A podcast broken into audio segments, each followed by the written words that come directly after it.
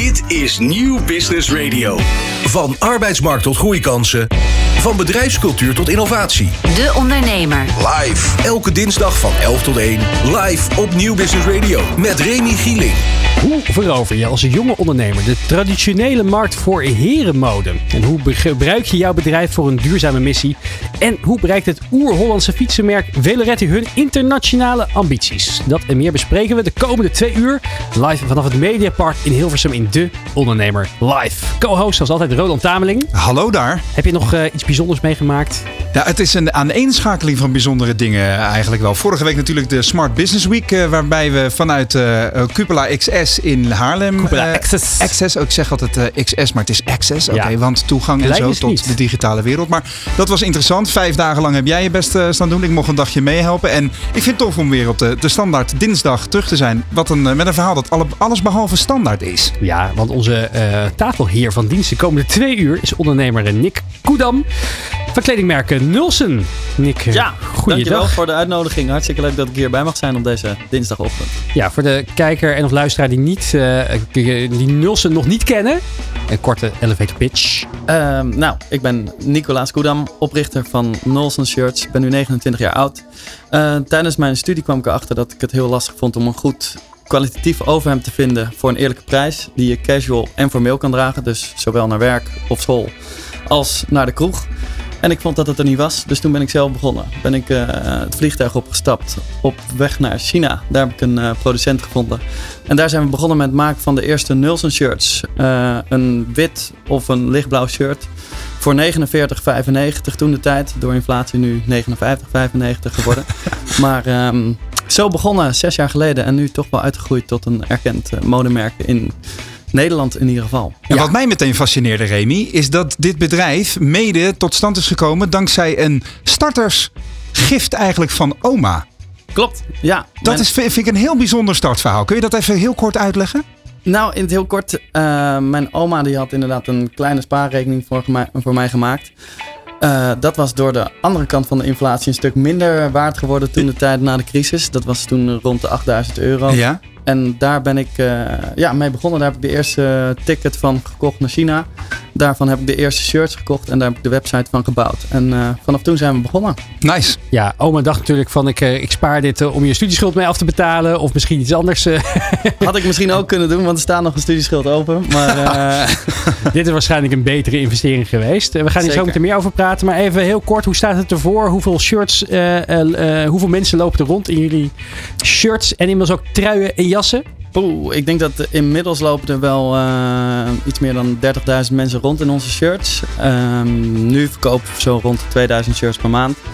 En groeiende, dus uh, ja. Nou, en met een winkel in Amsterdam. Dus mensen die uh, graag een keertje een kijkje willen nemen, kunnen langskomen op de... Gerard Douwplein, midden in de pijp in Amsterdam. Zijn elke dag geopend. Altijd van 11 tot 6. Op zondag van 5 tot van 12 tot 5. Nou, uh, verderop in deze uitzending gaan we nog meer praten over je ambitie. En uh, ook over waar jullie tegenaan lopen in deze tijd. We nemen net al even inflatie. Maar we starten zoals altijd met het ondernemersnieuws. Dus daar gaan we mee beginnen. Elke dinsdag schuiven topondernemers aan voor de lunch.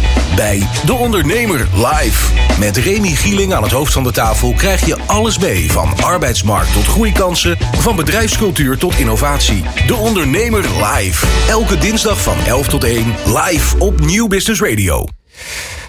Ja, we bespreken hier bij de Ondernemer Live altijd het laatste ondernemersnieuws. En ook aan jou de vraag, Nick, om uh, je, je ongezouten mening daarover te verkondigen. Ik heb er zin in. Het uh, eerste nieuwtje wat ik uh, vanochtend tegenkwam was op het FD. En daar stond dat de werkgevers lokken personeel met extraatjes. Werkgevers voorzien dat ze de komende jaar extra beloningen uit de kas moeten trekken.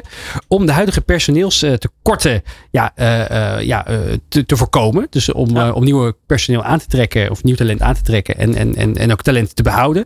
Ja allerlei toeters en bellen waarschijnlijk uit de kast worden getrokken. Zoals het tegemoetkoming in de energierekening, yogalessen op kantoor. Uh, uh, en het zal dus ook ervoor zorgen dat de loonkosten uiteindelijk zullen oplopen. Wat is, uh, wat is jouw idee hierbij? Denk je dat dit, dat dit een, een terechte analyse is?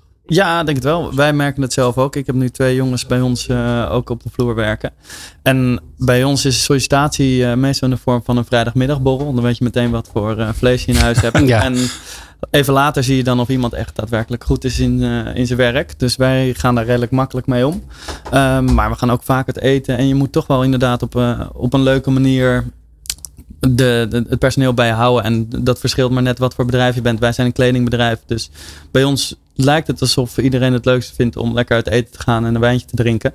Maar ik kan me voorstellen dat bij een IT-bedrijf misschien anders is en dat je weer andere dingen wil gaan doen. Maar het is nog uh, geen yogalessen op de maandagochtend. Nee, maar we gaan wel vaak naar de sportschool met personeel. Dus uh, ja, zeker. Maar waar let je op dan tijdens zo'n uh, vrijdagmiddagborrel? wanneer past iemand bij je en wanneer niet? Nou, eigenlijk, dat is een hele goede vraag. Ik denk dat als, zij, als het meteen klikt uh, in de vorm van, oh, nou leuk, even een biertje drinken en niet al te schuw is, dan denk ik dat het voor ons belangrijk is. Want je werkt natuurlijk ook deels in een winkel en je werkt in een ja, jonge omgeving. Dus het is belangrijk dat dan mensen het ook wel leuk vinden. En ja, vrijmibo is voor ons eigenlijk wel een ding. Er komen allemaal vrienden, komen andere klanten komen binnengelopen. En ik denk dat als je daar goed tussen past en je hebt natuurlijk een beetje een, uh, een brein, dan kom je bij ons zo snel uh, aan de beurt. Dus. Ons tweede nieuwtje vandaag sluit je eigenlijk naadloos op aan als het gaat over secundaire arbeidsvoorwaarden voor medewerkers. Want OpenUp, een abonnementsdienst voor online psychische hulp, heeft 15 miljoen, 15 miljoen euro opgehaald bij investeerders. De geldschieters zijn onder meer Rubio Impact Ventures, maar ook Achmea Innovation Fund. En ook uh, ja, de mensen die uh, voorheen betrokken waren bij Just Eat Takeaway en Booking.com, die stappen in. En daarover bellen we met oprichter Gijs Koppens. Gijs, goedemorgen. Goedemorgen. Uh, open up. De elevator pitch ook wederom voor uh, de kijker en of luisteraar die het nog niet kennen. Wat doen jullie precies? Wij zijn een online platform waar werknemers kleine en grote uitdagingen op het gebied van mentale gezondheid kunnen, daar een antwoord op kunnen vinden. Dus als ze ergens mee zitten, dan wel klein, dan wel groot, dan bieden wij een betekenisvol, zinvol antwoord daarop. Uh, en dat kan zijn in de vorm van een contact met een uh, online psycholoog. Maar dat kan ook zijn in de vorm van zelfhulpmodules, webinars, vraag- en antwoordsessies, mindfulness uh, enzovoort. dus een heel breed aanbod. En dat kunnen werknemers doen anoniem, buiten HR en buiten het management om. Zodat het gebruik heel makkelijk is, heel laagdrempelig. Dat kunnen ze ook in de avonduren doen en in en in het weekend. Uh, en we zien dat we op die manier een vrij grote groep werknemers activeren op het thema uh, mentale gezondheid. Wat was het grote probleem dat jullie wilden oplossen hiermee? Nou, het grote probleem is dat we zien in de, in de, we zien in de totale populatie in Nederland dat ongeveer 40% mentale uitdagingen heeft in een jaar. Uh, en daardoor ook uh, zeg maar belast wordt in het uh, functioneren op het werk. maar onder jongeren is dat nog veel groter. Dat loopt op tot 70% van de jongeren, van de jonge werknemers, zeg tussen de 20 en de 35. die rapporteert mentale uitdagingen waar ze echt last van hebben. en het systeem, zeg maar, het zorgsysteem heeft ons heel veel goeds gebracht. maar inmiddels zijn wachttijden in de richting de psycholoog zijn behoorlijk opgelopen. Denk aan vier of vijf maanden wachten. Dus ik denk het grote probleem wat we oplossen is het feit dat je werknemers lekker in hun vel wil zien zitten. Uh, en dat wij daar een heel laagdrempelig loket voor zijn om ze daarin te ondersteunen.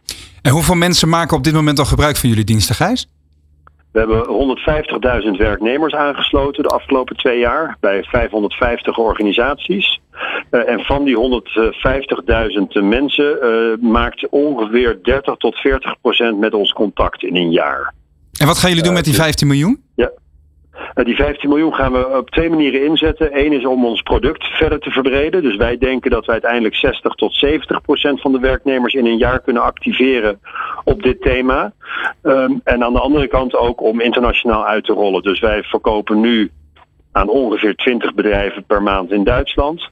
Uh, en ik denk dat daar een gigantische groeikans ligt ook voor het bedrijf om buiten de Benelux verder te groeien in Duitsland, uh, Frankrijk uh, en, en, en Engeland. Dus we zijn net opgeschaald internationaal. Niek? En zijn het alleen maar werknemers of ook ZZP'ers? Want ik kan me voorstellen dat die ook wel uh, met bepaalde druk rondlopen. Kijk je nu naar een specifiek ja. persoon hier in de studio? Of? nee, nee, nee, nee, zeker niet. Nee, dat is een hele relevante vraag inderdaad. Want ja. zeker ondernemers hebben natuurlijk ook best een stressvolle tijd. Ja. Ja. Dus, eh, ZZP'ers zijn ook van harte welkom. Eh, het is wel zo, het is een abonnementsmodel. Eh, dus het werkt eigenlijk het best op wat grotere groepen. De prijs per werknemer is 25 euro per medewerker per jaar. En daar krijg je een onbeperkt aanbod voor. Dus als je een bedrijf hebt met 100 man, kost het je 2.500 euro per jaar. Hm. Voor de ZZP'er, die is van harte welkom.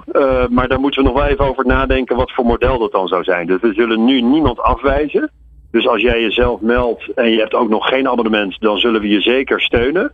Ja. Eh, dus het platform is voor iedereen toegankelijk. Maar op dit moment, zeg maar in zakelijke zin, drijven we wel op bedrijven die bereid zijn om voor de hele pool van werknemers een abonnement af te sluiten. Het is een heel toegankelijk bedrag, zeker voor, eh, voor, voor eigenlijk elke organisatie, groot of klein. We hoorden net al dat eh, in het FD vanochtend stond dat secundaire arbeidsvoorwaarden steeds belangrijker zijn om personeel te vinden en te behouden. Wat zijn, wat zijn reden voor bedrijven om te zeggen, nou we gaan er nog geen gebruik van maken? Ja, ik denk ook in alle eerlijkheid dat eh, tot nu toe, wij zien dus nu dat ongeveer de helft van de bedrijven die wij spreken sluit ook echt een abonnement af. En de andere helft bijvoorbeeld, die is nog in conclave over budgetten op dit gebied. Eh, of die heeft bijvoorbeeld een, eh, de, de traditionele bedrijven hebben vaak een bedrijfspsycholoog. Eh, en die vinden dat op dat moment nog een voldoende oplossing. Ik denk in alle eerlijkheid dat we binnen een jaar ook dat soort bedrijven zullen aansluiten. Omdat bij ons het gebruik gewoon vele malen hoger ligt. Je hebt Maar niet een soort van eigen voorstellen risico. dat sommige als, eh, bedrijven allerlei diensten al hebben geregeld.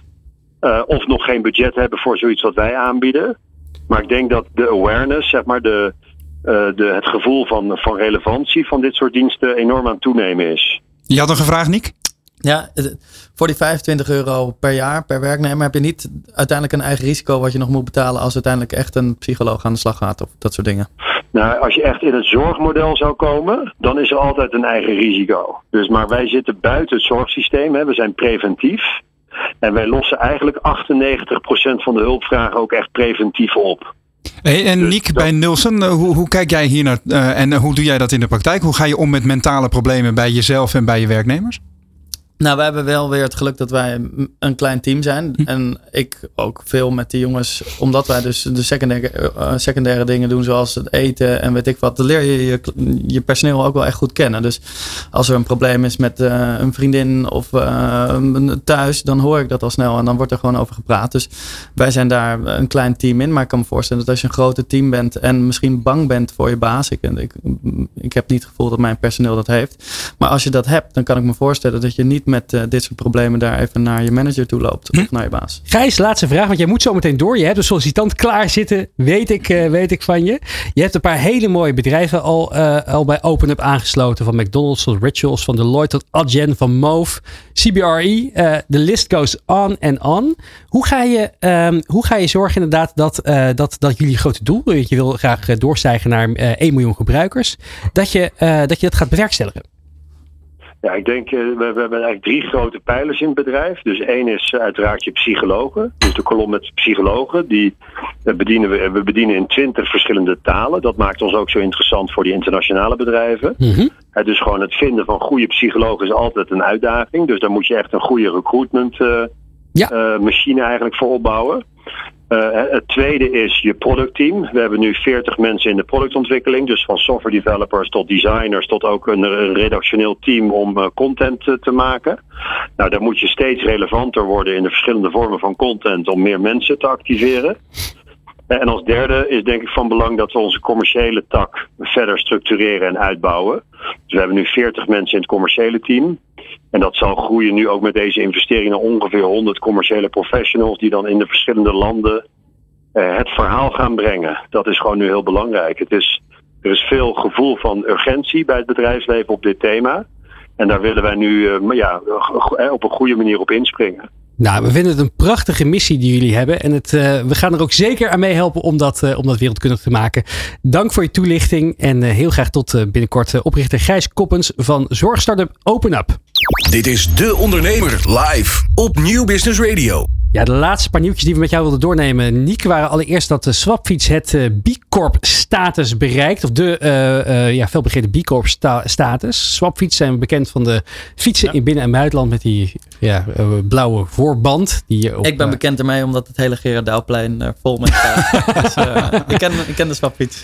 Ja, ja je, je kan er niet meer omheen hè, in, de, in, in, in de binnensteden. Ze hebben dat B, die B Corp status bereikt. Dat is een bekend label eh, waaraan je heel veel... Ja, dat is een heel, heel proces waar je doorgaat als bedrijf. eh, en die wordt helemaal doorgelicht om te kijken... heb je inderdaad een duurzame missie? Doe je alles aan om zo duurzaam mogelijk te ondernemen? Nou, het is ze gelukt eh, met eh 81,5 punt van de 80 punten die nodig zijn.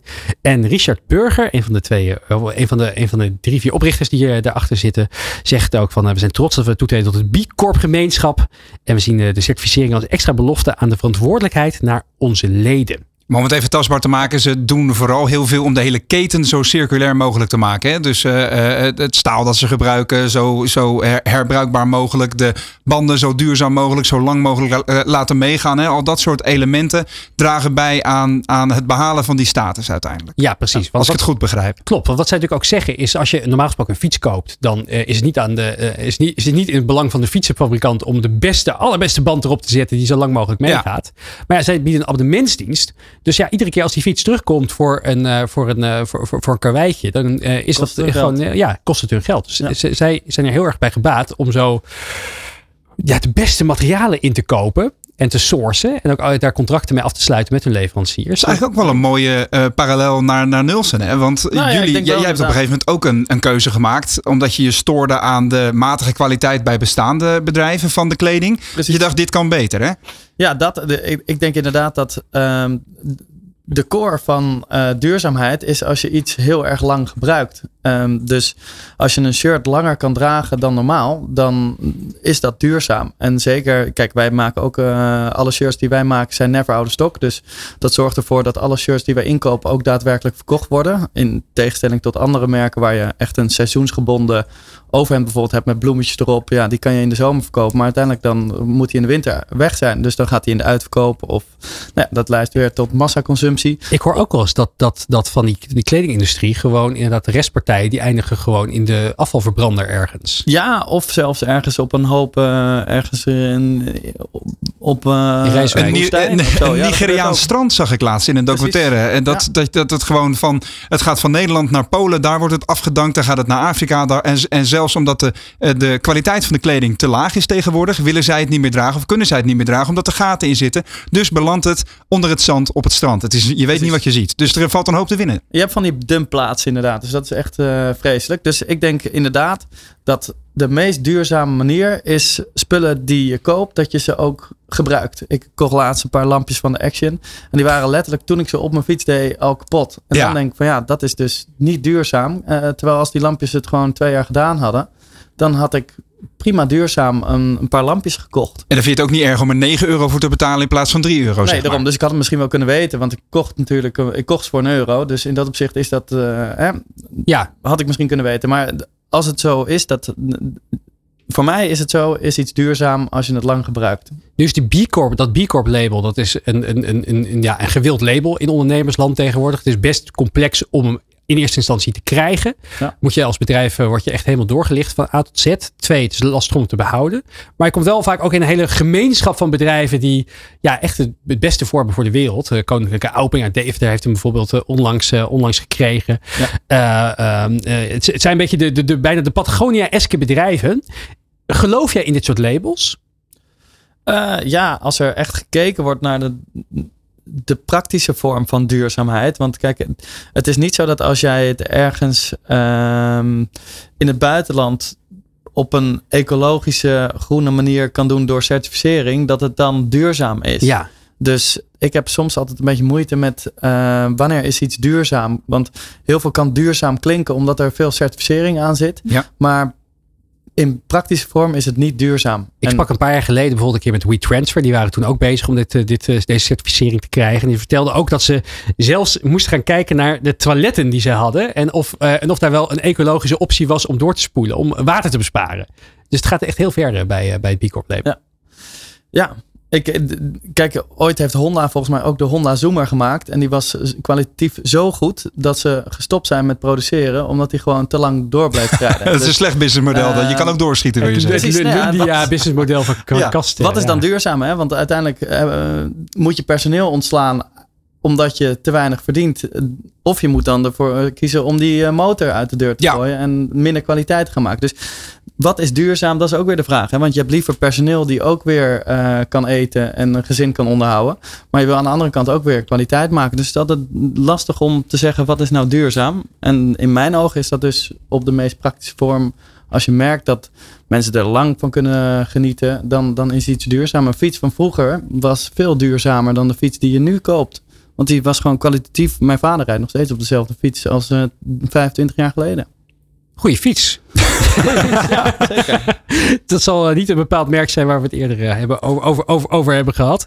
Eh, het laatste nieuwtje. We zijn lang met nieuws bezig vandaag. Online supermarkt Crisp krijgt smakelijk 75 miljoen euro groeigeld bezorgd. We op QuoteNet. Een knisperende, ze hebben wat mooie, mooie termen daar. Knisperende 75 miljoen euro aan extra kapitaal voor online supermarkt Crisp.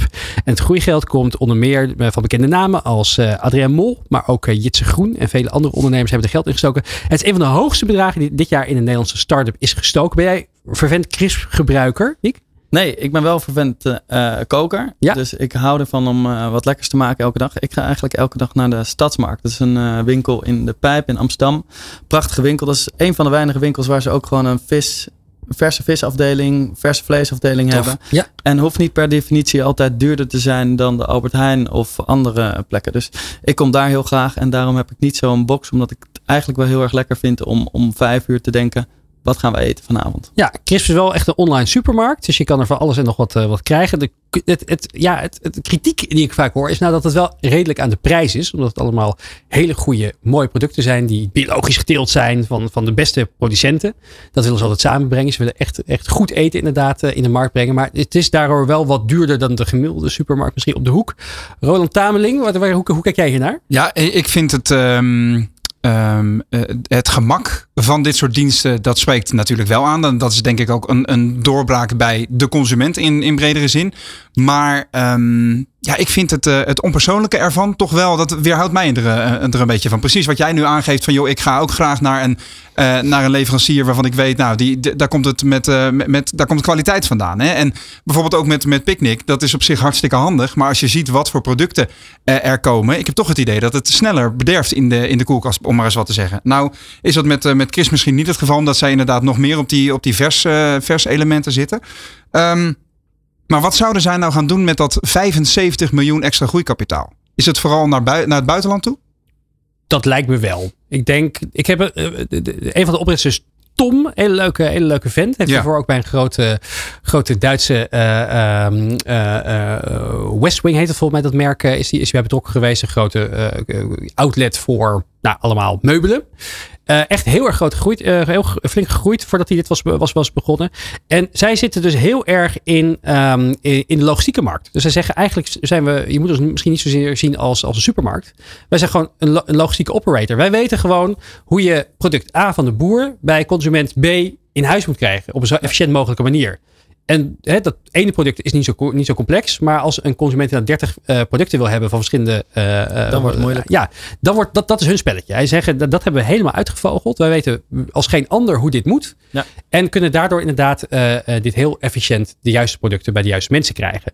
En ik kan me voorstellen dat, dat zij dit geld willen gaan gebruiken om inderdaad nu naar Nederland ook, ook de landen om ons heen te gaan veroveren. We hebben het eerder gezien bij Picnic. Die zijn ook natuurlijk hier Zeker. begonnen. Zeven jaar geleden. Zitten nu ook in Frankrijk en Duitsland. Eh, en je merkt gewoon dat er behoefte is aan, die, eh, aan, aan dit soort concepten. Dus Ja, ik denk dat mensen vind- hebben minder tijd. Dus die gaan gewoon.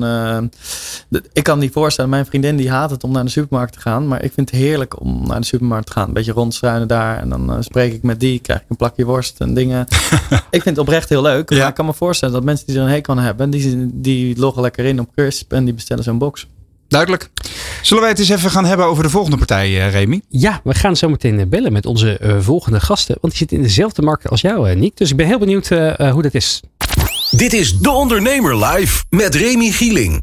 Ja, en nog steeds aan de desk Roland Tameling. En natuurlijk praten we ook met, eh met Niek Koedam, oprichter van Nulsen Shirts. Nou, truien, jassen, kledingmerk. Hoe moeten we, hoe moeten we Ja, het is, we stappen nu steeds meer af van Nulsen shirts naar Nulsen. Snap ik inderdaad. Meer Dus, eh, kledingmerk het, is steeds, eh, het is steeds meer aan diver- diversificeren. Klopt. En eh, we praten door met een collega van je. Want een merk met een missie, dat is Cortazoo. Ze verkopen niet alleen duurzame outdoor kleding, maar willen ook een steentje bijdragen aan het vergroenen van de wereld. Het doel van het bedrijf is om voor 2025 zo'n 5 miljoen vierkante meter land in Afrika te vergroenen.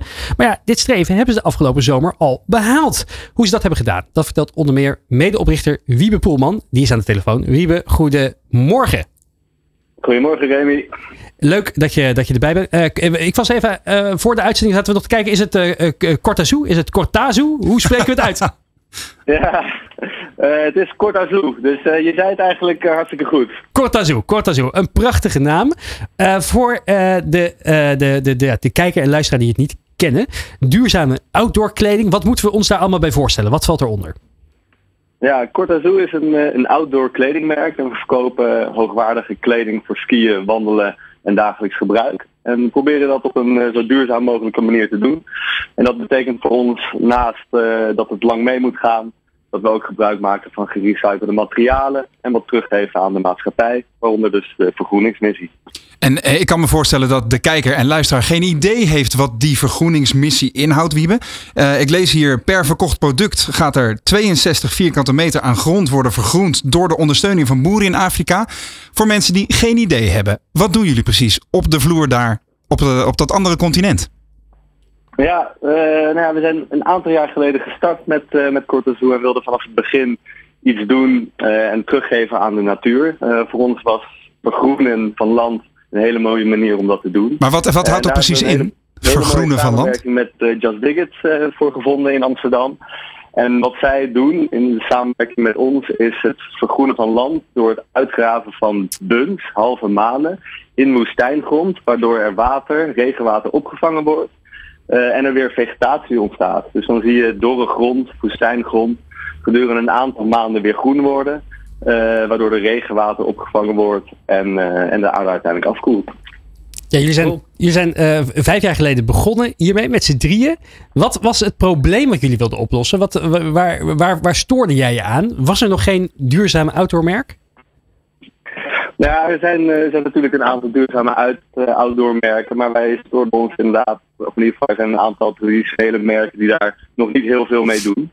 Uh, en wij wilden daarop innoveren en iets meer doen met gerecyclede materialen, het voor een betere prijs aanbieden via een online direct-to-consumer model. Ik vond het mooi om te zien ook dat jullie dons dat, dat jullie gebruiken, dat het niet afkomstig is van dieren inderdaad, maar van gerecyclede petflessen. Uh, dat soort elementen dus, dat bedoel je met, met, met innovatie op productniveau? Ja, eigenlijk uh, op ieder product proberen we ja, een steentje bij te dragen. En dit is inderdaad een van de voorbeelden. En het mooie is dat je dus plastic flessen uh, die weggegooid worden, kan omturnen tot isolatiemateriaal die je bijvoorbeeld voor midlayers of jassen kan gebruiken. Ja, dan creëer je dus een, ja, eigenlijk een duurzaam verhaal wat interessant is voor ons, voor de consument en uiteindelijk voor de wereld. Maar wat doet dat op, op langere termijn dan voor Cortazoo? Uh, de duurzame materialen bedoel je? Nee, gewoon deze hele aanpak. Kijk, het is natuurlijk een goed verhaal om te vertellen, maar is het ook beter voor de business? Uiteraard uh, heeft dat ook voordelen. Dus wat we eigenlijk zien bij ons is dat, uh, dat op het moment dat je een hoogkwalitatief product op de markt brengt, dat met een duurzaam verhaal vertelt en ook daar naar handelt, dat dat heel interessant is. En daar proberen we dus steeds verder in te gaan en, meer te verkopen.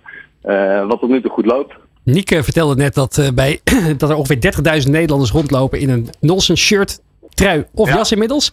Hoeveel Nederlanders lopen er in een uh, uh, Cortazoo kledingstuk rond?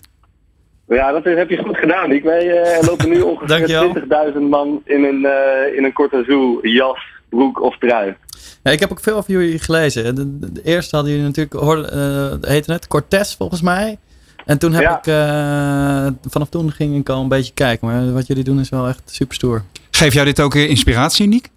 Zeker, ja, kijk, ik probeer ook op mijn manier weer een beetje duurzaam te zijn op de vorm van uh, natuur. Dus wij, wat, wat jullie met Just Dig It doen, dat doen wij met uh, Regreener. Dat is van een maatje van mij die ook in mijn vriendengroep zit. En zij doen eigenlijk hetzelfde. Zij planten bomen en wij proberen het dan zo weer te doen dat uh, wij hebben veel vaste klanten die bij ons constant een wit shirt kopen.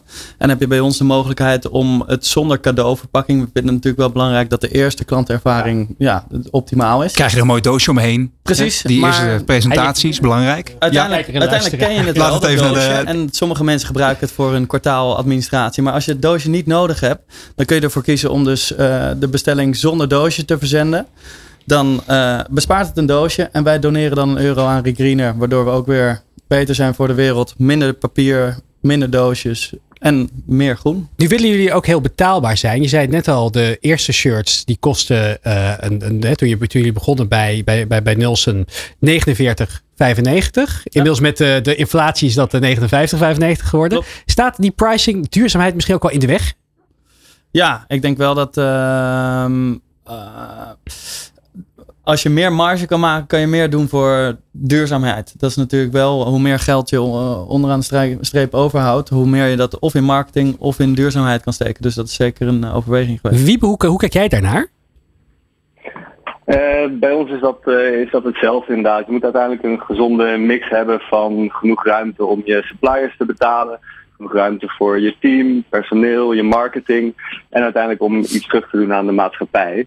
Uh, en daar hoort inderdaad een realistische prijszetting bij. Dus wat je veel ziet is dat mensen of bedrijven heel laag gaan zitten, waardoor er ieder, iemand in de cake uh, uiteindelijk uh, voor onderdoet. Dat kan zijn te lage betalingen aan, aan suppliers of te lage lonen aan, uh, aan personeel. Ja, of een paar uh, dus een gezonde prijs. die worden ingevlogen om die, die, die kledingstukken in elkaar te, in elkaar te naaien. qua pricing, waar zit Cortazu op? Waar moeten we mee vergelijken? We zitten een beetje tussen het midden, midden- en hoogsegment in. Dus je kan drie laags hardshell jassen kan je kopen bij een merk zoals Arctrix voor 600 euro. Bij ons kost dat bijvoorbeeld 400 euro. Uh, en dan zit je uh, eigenlijk tussen het midden- en hoogsegment uh, in. Maar daarnaast hebben we ook truien, midlayers voor rond de 100 à 150 euro. Nu sorry? Ja, Jullie doen geen retail, toch? Alles direct to consumer. Nou, dat is op zich wel een grappig verhaal. We zijn ooit gestart als direct to consumer merk en probeerden eigenlijk alles online te doen. Maar zijn daar recentelijk wel een beetje van teruggekomen en hebben inmiddels een winkel geopend in, in Amsterdam. En zijn vanaf volgende maand uh, ook beschikbaar bij Bever uh, in, in de retailwinkels. Waarom hebben jullie da daarvoor gekozen om toch uit te breiden? Ja, wat je, wat je ziet is dat er een hele grote doelgroep is, is bereikbaar via online. En daar kan je ontzettend veel uithalen. Dus we waren in onze eerste maand dat we live gingen, verkochten producten in Japan, in New York, allemaal via online marketing. Maar wat je uiteindelijk ziet is dat er ook een hele grote doelgroep is die gewoon graag offline shopt, in de winkel het product wil voelen. Uh, even met de, Zeker, de personeel in de winkel wil praten en daar wat meer over wil leren. Ja, en dat kan bij uitstek uh, met een eigen winkel of bij een specialist zoals Bever. Het is grappig om te zien dat dus die, die producten goed aanslaan, maar de missie erachter, in hoeverre is dat belangrijk voor jullie klanten? Kun je dat meten bijvoorbeeld? Ja, dat kunnen we, kunnen we zeker meten. Nou ja, uh, wij verkopen outdoor producten, dus dat zijn per definitie producten die je gebruikt in de natuur. Uh, voor mensen die graag in de natuur komen. En eigenlijk vinden een groot deel van onze klanten het belangrijk dat het merk waar ze een outdoor product kopen daar iets mee doet. En dat meten we bijvoorbeeld door het, door het sturen van surveys, wat ze belangrijk vinden, waarom ze bij ons gekocht hebben. En daar zie je eigenlijk altijd terug dat dat of duurzaamheid is, de hoge kwaliteit, of bijvoorbeeld een Nederlands bedrijf. Juist. En dat vergroenen van de wereld was natuurlijk jullie missie. In 2025 wilde je 5 miljoen vierkante meter in uh, land in, in Afrika vergroenen. Dat is al dit jaar gelukt. In hoeverre heeft je dat verbaasd? Nou ja, met, uh, als ondernemer stel je natuurlijk doelen en die probeer je zo uitdagend mogelijk te houden. Ja. Dus in dat opzicht uh, heeft het ons wel enigszins verbaasd dat we dat al bereikt hebben op dit moment. Um, en dat is eigenlijk mede door de verkoop van producten, maar ook door, bijvoorbeeld door het organiseren van vergroeningsevents, waarbij we activiteiten in de natuur organiseren. Uh, bijvoorbeeld een 24-hour walk in het Vondelpark afgelopen zomer, waarbij we om en nabij 30.000 euro hebben opgehaald voor, uh, voor de natuur. Ja, en die combinatie zorgt er uiteindelijk voor een, voor een versnelling.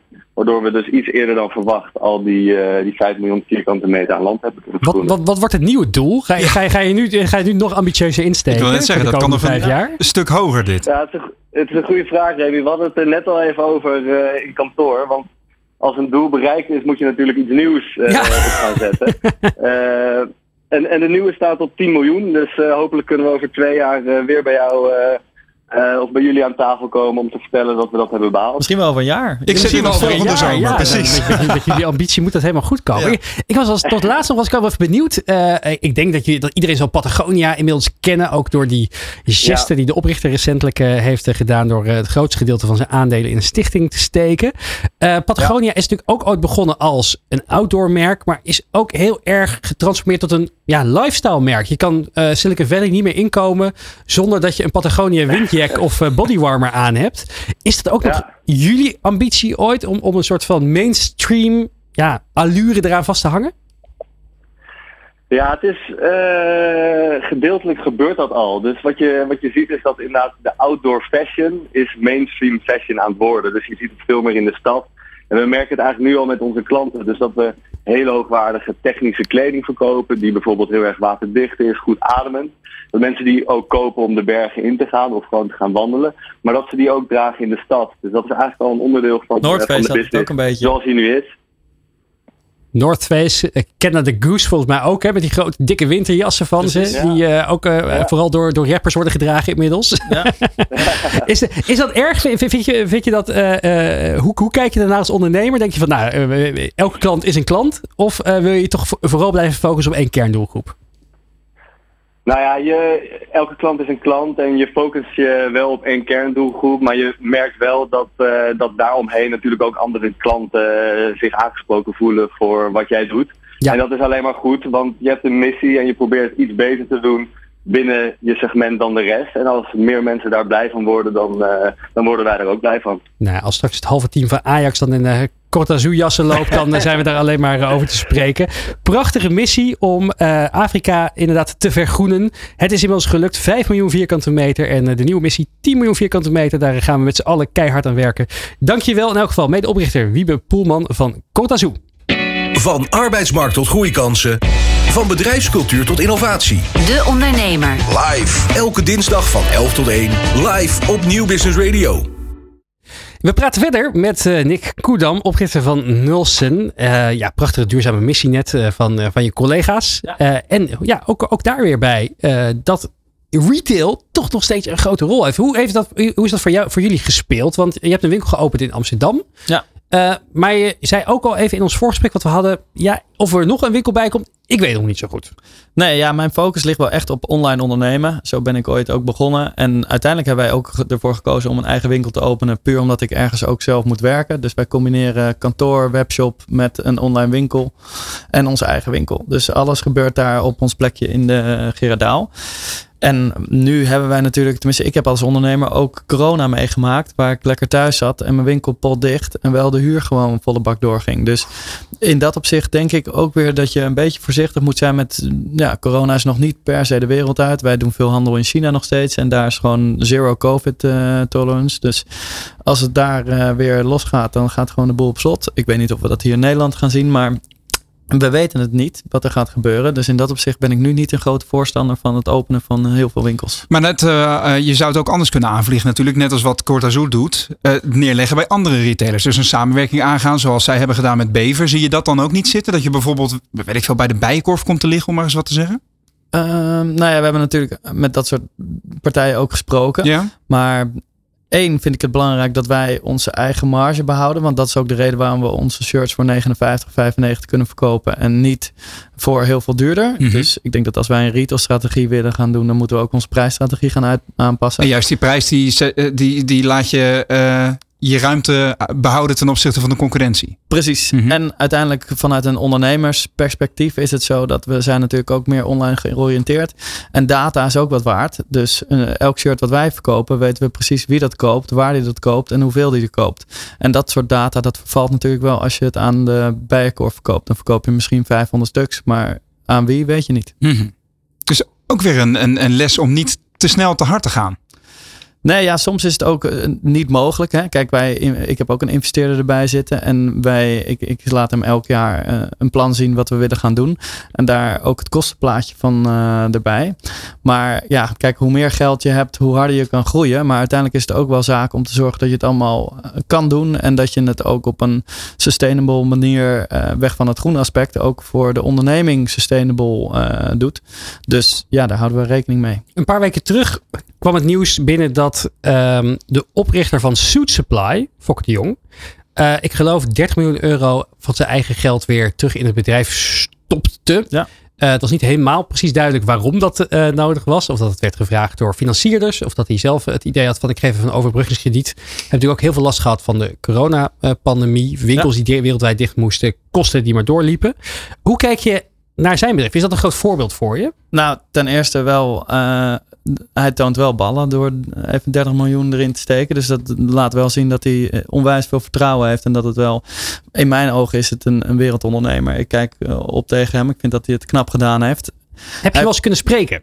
Nee, ik heb hem wel eens een paar keer gezien op een feestje, maar toen ben ik er niet naartoe gelopen. Dat zou ik uh, de volgende keer moeten doen, maar ik heb hem nooit echt gesproken. Was de reden dat je dan toch dacht van, nou, laat, laat, die, laat die beste man ook een keer een, een weekendje rust hebben? Nou ja, ik was zelf toen wat kleiner als bedrijf en uh, ja, toen niet van gekomen, jammer genoeg. Maar ja, om terug te komen op wat ik van hem vind. Ik vind dat hij wel knap gedaan heeft. Hij heeft alleen uh, anders dan ik. Hij heeft een, een, een retailstrategie. Waar hij uh, het openen van winkels als prioriteit nummer 1 heeft staan. Hij wilde volgens mij iets van 100 tot 150 winkels openen in een bepaalde periode. Dat is hem gelukt totdat corona kwam. Mm -hmm. En toen moest alles natuurlijk dicht. En mijn strategie is meer online uh, gebaseerd. Dus ik wil online een bepaalde groei hebben. En uh, daarom hebben wij niet zo heel veel last gehad van COVID. Omdat wij online alleen maar harder begonnen te verkopen. En de winkel heel veel dicht was. Maar wat zou je nu wel aan hem vragen als je toch op hem af zou lopen? Poeh, dat is een goede vraag. Ik kan me voorstellen dat er toch een hoop nieuwsgierigheid is naar wat, wat hij heeft geleerd in al die tijd. Met Soet Supply. En ja. wat hij dus misschien anders zou doen en zou uh, adviseren aan jou. Ja, ik zou me afvragen of het nou uiteindelijk die strategie van de winkels openen zijn vruchten afgeworpen mm -hmm. heeft. En of dat nog steeds de strategie is. Of je nog steeds nieuwe winkels gaat openen door de wereld heen met het achterhoofd dat COVID er is. En weg van COVID. Mensen zijn natuurlijk wel makkelijker online gaan bestellen. En heel veel klanten hebben helemaal geen zin meer om naar een fysieke winkel te gaan. Mm -hmm. Dus ik denk dat dat ook de, de, de, de het, ja, er is een hoop veranderd tijdens COVID. Dus dat zou ik wel willen vragen. Van, uh, blijft de strategie nog steeds retail of voornamelijk meer online? Soets blijft natuurlijk ook een deel van de productiefaciliteit in China zitten. Jarenlang werd daar een beetje met een schuin oog naar gekeken. Uh, veel puristen vonden dat uh, overhemden of maatwerkkleding uit uh, Groot-Brittannië moest komen of Italië ja. inderdaad. ik denk dat in ieder geval Soets blijft bewezen dat, dat er ook zeker goede productiemogelijkheden zijn in China. Heb je daar ook toen naar gekeken toen jij begon? Op die manier? Uh, wat, wat je, je, bent, je, je, bent ook in een vliegtuig gestapt naar China om te kijken ja. of daar misschien goede leveranciers voor jou, uh, uh, jouw, jouw kledingmissie waren. Ja, kijk, ik denk dat heel, men, heel veel mensen niet begrijpen wat er in China gebeurt met betrekking tot de productie. Want ehm, je hebt daar, ik kom dan elk jaar voor COVID, kwam ik op zo'n beurs waar ze laten zien hoe fabrieken werken. En dan heb je een machine van vijf meter lang waar aan de ene kant een draad gaat en aan de andere kant komt er een matras uitgerold. Ja. Dat soort machinery, dat kennen we helemaal niet in Europa. Dat is gewoon zo geavanceerd met, levers, met de lasers wordt gewerkt en dingen. Dus er komt echt hele hoge kwaliteit producten uit China. En um, het is niet meer zo dat daar uh, alleen maar met kinderen gewerkt wordt en dingen. Dat, beter nog, in, in China ga je dan gewoon achter slot en grendel. Je moet je eerder zorgen maken om Bangladesh, India, mm -hmm. Vietnam, Thailand, dat soort plekken. Daar, maar wat daar... heb jij daar vandaan wel hier naartoe gehaald dan?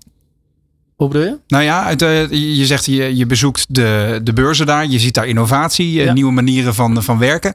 Um, ik kan me voorstellen dat voor Nielsen dus ook nieuwe manieren heeft geïntroduceerd om jullie uh, product of jullie manier van werken te verbeteren. Nou ja, onze productie is ook high-end. Dus dat is ook allemaal met lasers. En het wordt ja, van hoge kwaliteit gemaakt. Dus kijk, wij, wij hebben daardoor wel gekozen voor de hoogwaardige kwali kwaliteit en de productie daarvan. Mm -hmm. Dus ja, ik wist wel, uh, weg van Suit dat in China kwam wel een mooie kwaliteit. En daar wordt ook gewoon op een andere manier gewerkt dan Europese producties. En als je dan kijkt naar wat de grote jongens doen, hè, die vooral op aantallen zitten, als in H&M en, en Zara, dat soort, dat soort bedrijven. Ehm, wat doe je dan heel specifiek anders, behalve het richten op, op, op die kwaliteit? Nou ja, wij zitten nog in China. Dat soort merken zitten al lang niet meer in China. Want, want die zitten juist in die lagere lonenlanden precies, nog. Precies, China die heeft... Kijk, eh, zo'n machine komt ook niet uit de lucht gevallen. Daar wordt geïnvesteerd door die Chinezen om te zorgen dat het allemaal uh, ook daadwerkelijk kan op die manier. Dus mega, mega investeringen. En dat soort, dat, dat wordt uiteindelijk doorberekend in de prijs. Dus onze prijs is ook, uh, zeg maar, wij, wij, onze volume is omhoog gegaan, maar onze prijs is nooit omlaag gegaan. Mm En dat komt omdat wij op, uh, ja, best wel, wij zitten bij producties die gewoon echt hoge kwaliteit leveren en investeren.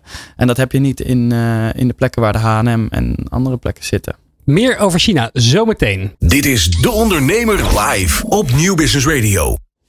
Visma USurf viert haar eenjarig bestaan. Dan denk je bij Visma, dat bedrijf bestaat toch heel lang. En dat klopt ook, maar uh, niet Visma USurf. Want dat is in 2021 afgesplitst van Visma Raad. En samen met 550 medewerkers is het afgelopen jaar een organisatie gebouwd voor de zakelijke markt met een nieuwe naam. Aan de telefoon Simon Kornbloem, de Director Sales en Portfolio en Marketing bij uh, dit nieuwe merk Visma USurf. Simon, goedemiddag. Of goedemorgen nog. Goedemorgen nog. Hallo. Ja, uh, voor de kijker en luisteraar, wat doet Visma USurf precies? Uh, Visma USurf. Uh, ja, wij zijn een HR en payroll dienstverlener en leveren producten en diensten waarmee bedrijven hun HR-zaken goed georganiseerd kunnen krijgen. Heel goed. Dat, dat is het. Korte, korte oh, ik, dacht, ik dacht, nu komt er, nu komt er, nu komt er een hele uit. Wat, wat voor klanten moeten we aan denken? Nou, dat zijn, uh, we zitten voornamelijk in het bedrijfsleven, of eigenlijk uitsluitend in het bedrijfsleven. En we hebben daar een focus in aangebracht. Dus bedrijven tussen de 250 en 2500 medewerkers. Dat zijn de bedrijven, dat is de bedrijfsomvang waar wij ons uh, primair op focussen. Ja, nu een jaar, nu een jaar oud. Hoe heb, hoe heb je het gevierd, het eenjarig bestaan? Um, uh, nou, we, ja, we kijken inderdaad ook inmiddels een beetje terug. We zijn inderdaad een jaar, uh, jaar verder. Uh, hoe vieren we het om elke een beetje terug te kijken en te zien of we de juiste keuzes hebben gemaakt om dit nieuwe merk in de Nederlandse markt gezet te hebben. Um, dus we vieren dat in petit comité, maar we vieren dat, we kijken terug en zeggen, nou, we, we, zijn, we zijn goed uit de startblokken gekomen. Daar zijn we best wel een beetje trots op. Ja, was, het, was het nog een emotioneel afscheid? Nou, eigenlijk niet. Hè. Emotioneel, de, split van Visma Raad naar uh, twee bedrijven, twee bedrijven van ongeveer 500, uh, 500 medewerkers, dat was echt een hele, heel goed besluit. Dus het was niet zozeer een, uh, ja, een afscheid als wel een nieuwe start. Dus, uh, dus we zijn met 530 collega's zijn we uit de startblokken gekomen. En dus het was meer, meer trots van we gaan er echt iets moois van maken. In plaats van dan een tranentrekkend afscheid. Je zegt we gaan er iets moois van maken. Dan kan ik me voorstellen dat, ik, dat de luisteraar denkt: ja, maar alles, alles leuk en aardig. Er zijn meer softwarepakketten voor HR en dergelijke. Wat doen jullie dan anders dan de concurrentie? Waarom zou ik als ondernemer voor jullie moeten kiezen? Simon? Ja, nou, dat is een hele mooie vraag natuurlijk. We zien dat HR en payroll, dat is natuurlijk ontzettend belangrijk dat het goed georganiseerd is. Zeker wat er op dit moment in de markt aan de, uh, aan de gang is. Hè. De zorg dat je de talenten uh, weet binnen te halen, dat je ze blijft boeien, dat je, dat je mensen binnen kunt houden. Dus een goed HR en payroll proces is daarin voorwaardelijk. Dus wij leveren de combinatie van producten en diensten waarmee we bedrijven in staat stellen om zich echt te kunnen focussen op hun core taak. Dus wij leveren een combinatie van producten en diensten waarmee het uh, goed geregeld is. Nu een jaar uh, onder de noemer Visma User, waar ben je het meest trots op? Um, we zijn ja, sowieso trots op, uh, op de 530 collega's, waarmee we, ik zeg ook wel, eigenlijk zijn een van de grootste scale-ups op dat moment, een jaar geleden. Dus hoe vertrek je met 530 collega's met een, met een, met een droom, met een missie? Nou, dus ik ben wel trots dat we in een, met een heel toegewijd team met echt die 530 collega's zijn vertrokken en eigenlijk met dezelfde passie en met dezelfde focus hetzelfde willen bereiken. En dat is in een wat kleinere bedrijf is natuurlijk wat makkelijk te organiseren, maar met 530 collega's is dat best een uitdaging. En als ik daar nu op terugkijk, zijn we daar uh, ja, uh, trots. Dat is een heel groot woord, maar we zijn, uh, we zijn heel prettig vertrokken en dat zien we ook de, de resultaten al van. Nu zitten we in een ontzettend krappe arbeidsmarkt. Merken jullie daar ook effect van? En zo ja, hoe? Ja, tweeledig. Uh, de krappe arbeidsmarkt is voor ons een uh, opportunity. Hè? Dus ook onze klanten hebben, lopen tegen hetzelfde vraagstuk aan. Hoe haal ik de juiste mensen met de juiste kennis en met diezelfde juiste toewijding uh, binnen. Hè? En behoud ik die ook. Ja, je kan niet meer aankomen met een Excel-sheetje. sorry? Je kan niet meer aankomen met een Excel-sheet waarin alle medewerkers ergens staan benoemd natuurlijk.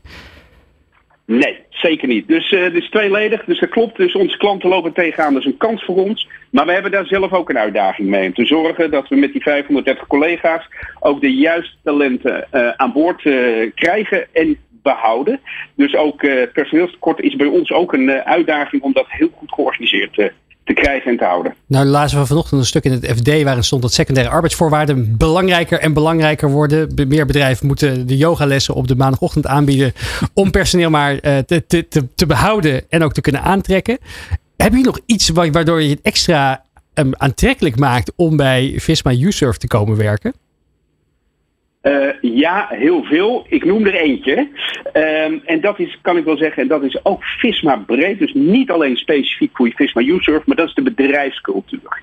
Dus echt dat samen. We zeggen ook, hè, mensen zijn je grootste kapitaal.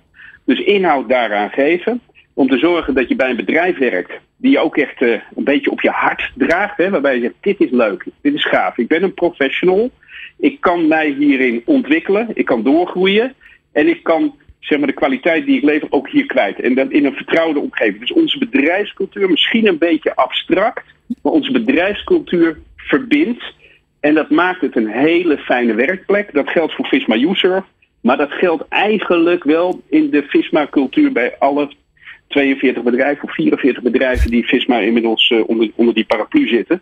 Dus die bedrijfscultuur maakt uh, een onderscheid. Dat is wel grappig dat je dat zelf even aangeeft. Het is inderdaad wat abstract. En uh, ik vraag je toch nog even om de vinger te leggen op een van de keuzes die jullie gemaakt hebben om binnen de organisatie aantrekkelijker te zijn voor nieuw talent.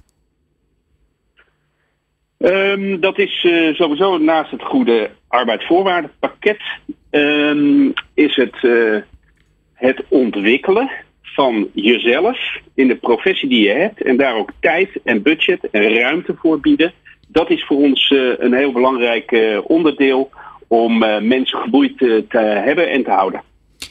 En Niek, ik hoop dat dat een beetje jouw vraag beantwoordt. Ja, zeker. Ja. Dat wordt alweer tastbaarder. Niek, uh, aan jou twee vragen vanuit Nulsen. Uh, jij, uh, jij wil natuurlijk ook je mensen aan boord houden en, en, ja. en aantrekkelijke werkgever zijn. Dat doe je onder andere door de vrijdagmiddagborrels, vertelde je net. Precies. Wat zijn nog meer instrumenten voor jou? En hoe, hoe, hoe, hoe kleed jij je HR in? Nou, ik denk dat de meneer hier aan de telefoon, ik ben Simon, ja? Simon, even zijn naam vergeten, excuses. Uh, Simon het goed zegt, ik denk dat ontwikkeling en uh, verantwoordelijkheid daarin ook wel nummer één is. Want uh, ik heb met mijn collega's, zeg ik ook wel eens van, weet je wat, we gaan beginnen nu met een nieuw platform waar we de mailing gaan doen.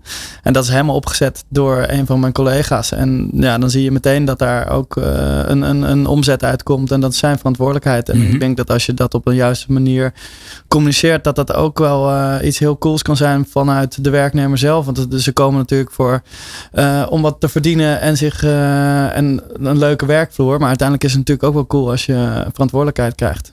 En dat En ze dus- daardoor gaan vliegen dus. Precies, en dus hun, uh, hunzelf kunnen ontwikkelen. En wat is de rol van software daarin, denk je? Hoe, uh, want als je begint met als ondernemer, ik zei het heel even gekscherend, dan begin je met, waarschijnlijk met een soort Excel-sheetje met, met informatie over iedereen bij elkaar. Op een gegeven moment wil je dat gaan professionaliseren. Waar ben jij nou op zoek gegaan om dit proces te stroomlijnen?